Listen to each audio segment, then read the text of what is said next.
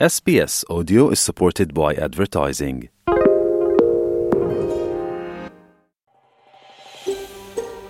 شما با پروگرام دری رادیوی SBS هستید گزارشات عالی را در sbs.com.au دری پیدا کنید شنونده های عزیز از هشتم تا شانزدهم ماه اکتبر در استرالیا به حیث هفته صحت روانی برگزار میشه. ما اکنون خانم نوری مهرابی مشاور و مربی روانی ارشد نهاد رسیدگی به زخمها و ناراحتی های روانی ناشی از زجر و شکنجه معروف به ستارتس را با خود داریم تا درباره هدف برگزاری ای هفته و همچنان خدمات را که این نهاد عمدتا برای پناهندگان زنده به در آمده از شکنجه فراهم می‌کنه صحبت کنند. خانم مهرابی به پروگرام دری رادیوی SBS خوش آمدین. خب اولتر از همه اگر لطفا درباره هدف برگزاری هفته صحت روانی صحبت بکنین. البته اما بنیاد صحت روانی در سال 1948 افتتاح شد. در سال 1992 دوم اکتبر برنامه روز صحت جهانی اعلان شد و بعد از او البته هفته صحت جهانی در سراسر دنیا تجلیل میشه و در استرالیا ما یک کم پیش قدم بودیم از سال 1985 را تجلیل می‌کنیم.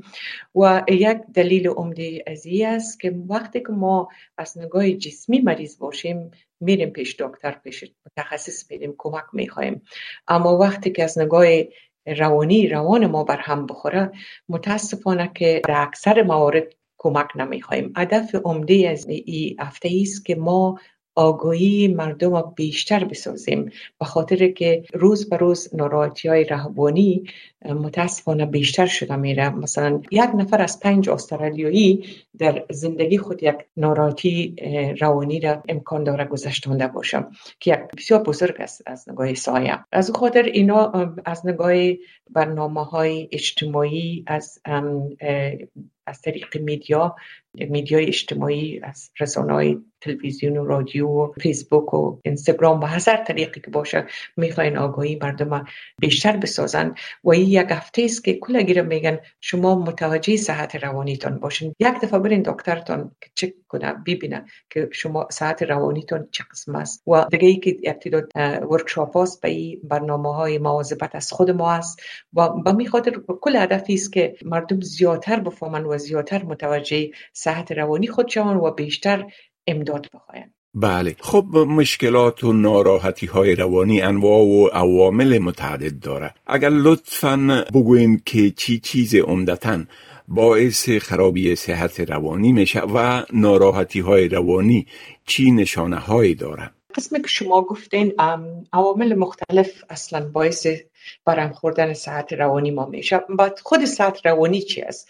صحت روانی شامل سلامتی عاطفی روانی و اجتماعی ما میشه و البته سر نوع تفکر ما اثر داره سر احساسات ما و سری که چی قسم عکس العمل می‌کنیم به او اثر می داشته باشه و از طفولیت تا بزرگی قابل اهمیت است. به خاطر ازی که اگر صحت روانی خوب داشته باشیم کنترل استرس های روزمره خود داریم. تصمیم درست گرفته می‌تونیم روابط بین اعضای خانواده خوبتر می داشته باشیم. تسلط بیشتر و بهتر در زندگی خود داریم. اما متاسفانه گاه گاه اینمی نظم بر هم می‌خوره که دلایل مختلف وجود داره. یک دلیلش دلیل بیولوژیکی است و او دلیل چیست که مواد کیمیاوی دماغ ما بر هم می‌خوره. دلیل دیگهش امکان داره وراثت باشه ژنتیک باشه که از طریق جین به اعضای خانواده انتقال پیدا می‌کنه. یک دلیل بزرگش که متاسفانه در دنیا زیاد شده است که کسایی که حوادث دردناک تجربه می‌کنن مثلا جنگ می‌بینن شرایط مهاجرت می‌بینن یا ایست که در شرایط خشونت های خانوادگی بزرگ شدن یا اذیت های جسمی دیدن و در طفولیت خانوادهشان برشان توجه نکردن و تو کوب خوردن این مسائل به ساعت روانی را بر هم می‌خورم. میدم اما ای که علائمش چیست؟ علائمش مختلف است. نظر به اینکه کدام ناراحتی را داریم. گاه گاهی بیشتر از یکی از اینا را می داشته باشیم. مثلا شاید افسردگی داشته باشیم. شاید مثلا استراب داشته باشیم. شاید از ناراحتی های بعد از شکنجه های روحی و ضربه های روحی رنج ببریم. شاید چند تایش با هم یک جایی داشته باشیم. این حال به طور مثال اگر یک نفر افسردگی داره احساس تنهایی می‌کنه احساس بیکسی می‌کنه تمرکز فکری با خراب میشه خواب ما بر هم می‌خوره. بسیار خسته میشیم بسیار خسته هستیم. هیچ قدرت نداریم که از خانه برای حوصله گپ زدن کت دیگر را نداریم. و گاه گاه اشتیای ما بیشتر میشه گاه زیاد می‌خوریم باعث اضافه شدن وزن میشه. گاه گاه هیچ نمی‌خوریم وزن خودم میبازیم مثل دنیا همیشه توریک است بر ما بلوز. و دیگه ای که امکان داره فکر کنیم میچ اصلا زندگی ارزش نداره. باید به زندگی خود خاتمه بدیم. احساس خودکشی بر ما پیدا میشه. کسی که استراب داره شاید که ناراحت باشه یک حالت لرزش داشته باشه ضربان قلبش بالا بره یا از بودن با دیگران ترس داشته باشه که استراب اجتماعی است. یا گاهی در خانه خود قید کنه. کسایی که از ضربه ها و شکنجه های تجربه تلخ دیدن افکار گذشته در دماغشان می خوای وحشتناک می‌بینن دولت حافظهشان تغییر میتن گاهی از خود بیخی جدا میشن مثل که در دنیا وجود ندارن در دنیای خود هستن. و گاهی هم البته خوشان بر هم می‌خوره و یا افکار گذشته مثل فیلم سینما در دماغشان می خب بله. خب نهاد ستارت چی برنامه های ده یفته داشته و همچنان اگر لطفا درباره خدماتی که این نهاد شما به مردم دارای مشکلات روانی فراهم می‌کنه معلومات بتین. ما اصلا ستارت در سال 1988 افتتاح شد تقریبا 34 سال قبل تا به حال ما در حدود بیشتر از 87 هزار پناهنده را کمک برشان دادیم و افغان یک گروپ بزرگ مراجعین ما هستند حدود 8 هزار افغان خدمات ما استفاده کردن. و البته ما خدمات مختلف داریم. خدمات انفرادی داریم که برنامه های مشورتی است. خدمات گروهی داریم. گروه ها با هم یک جای میشه.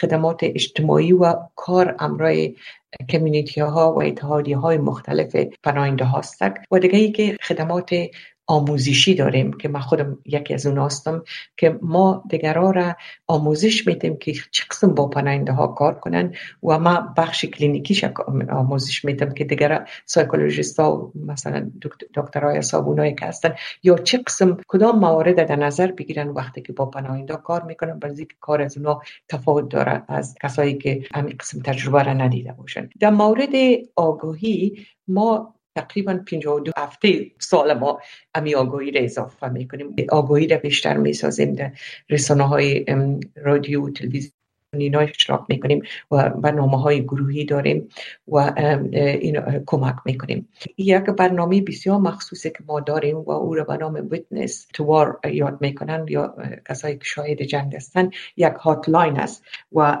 ایره ما بر افغان در ابتدا افتتاح کردیم که بعد از اینکه طالبا افغانستان گرفتن یک تعداد زیاد ناراحت فامیلای خود بودن و یک تعداد هم از افغانستان اینجا آمدن. و این شمارش یک هشت صفر صفر هشت چار پنج یک نو هشت است و البته دیگه پناهنده هم از این استفاده کرده می‌تونن.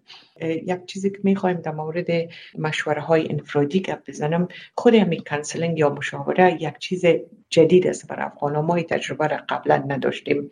به خاطر که در افغانستان ما صحت دماغی را داشتیم که مریض های روانی شدید مثل سکیزوفرنی و بایپولر و این بودن.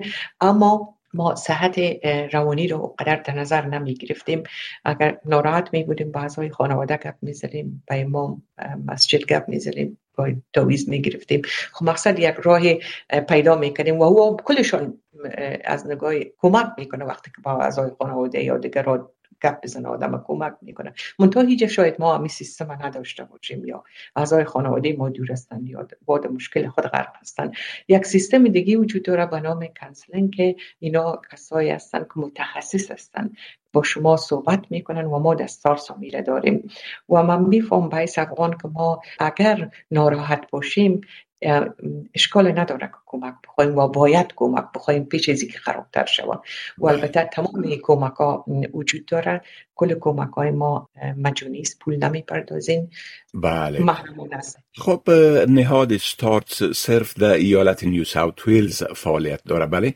کسایی که می‌خواین از خدمات این نهاد بهرمند شوند شما یک نمره را گفتین و همچنان کسایی که می‌خواین از این خدمات استفاده کنن یا در باری او معلومات بیشتر به دست بیارن حتما یک وبسایتی هم دارین که مردم می‌تونه به او مراجعه کنن بله.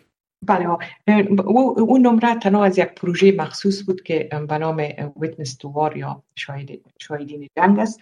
اما نمره عمومی ما که هر کس به او مراجعه کرده می‌تونه و معلومات می‌تونه بخواه 02 96 46 67 00 است. و دیگه ای که وبسایت ما www.start.org.au بر علاوه ستارز ما خدمات مشابه به ای در تمام ایالات استرالیا داریم. به شمول ملبورن و یکی از مؤسسات بزرگ در که به نام ویکتوریا Foundation for Survivors of Torture and Trauma یاد میشه. بله. خب خانم نوریا مهرابی از شما تشکر می‌کنم که دعوت ما را برای مصاحبه پذیرفتین و برایتان موفقیت می‌خواهیم آقای شکیب یک جهان ممنون از اینکه با ما موقعی دارین که صحبت بکنم و البته پیام میست بر افغان ها که لطفا کمک بخواین. تمامی خدمات بر شما هست خب بسیار تشکر. لطف کردین. یک جان ممنون. لطف کردین. روز خوش. با امان خدا. بپسندید شریک سازید و نظر دهید. اسپیس دری را در فیسبوک تعقیب کنید.